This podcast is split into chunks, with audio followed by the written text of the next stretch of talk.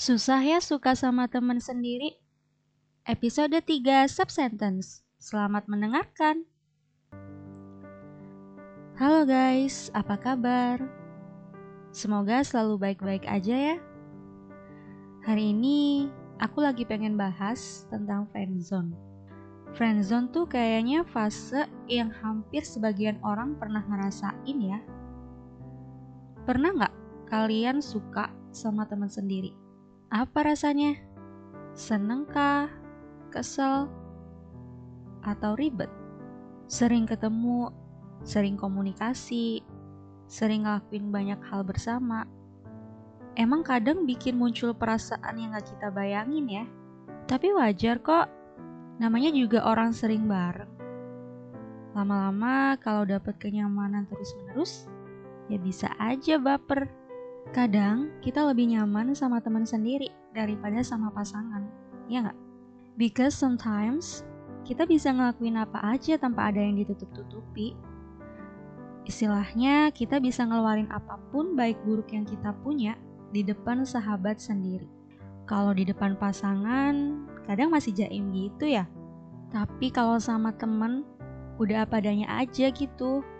Mau dia ilfil ke atau nggak suka sama diri kita, yang mana peduli.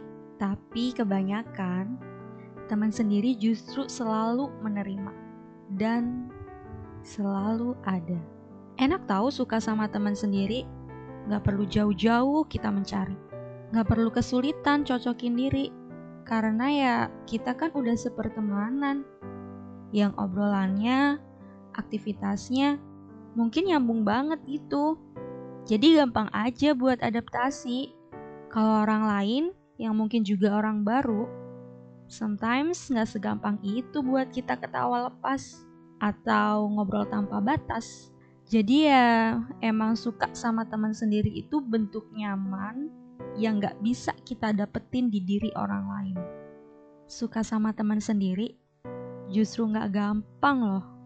First, kadang kita takut kalau ngungkapin dan dia nggak suka juga, bikin hubungan pertemanan ini jadi renggang.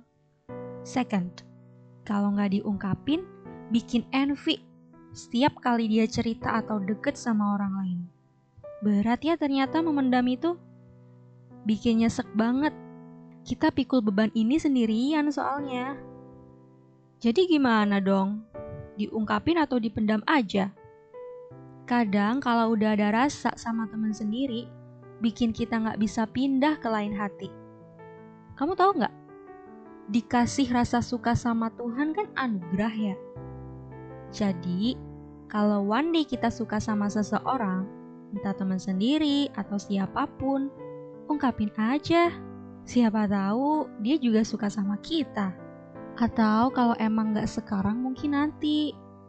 Barangkali kamu yang selalu ada buat dia bikin hatinya luluh yang penting dia udah tahu perasaan yang kita punya.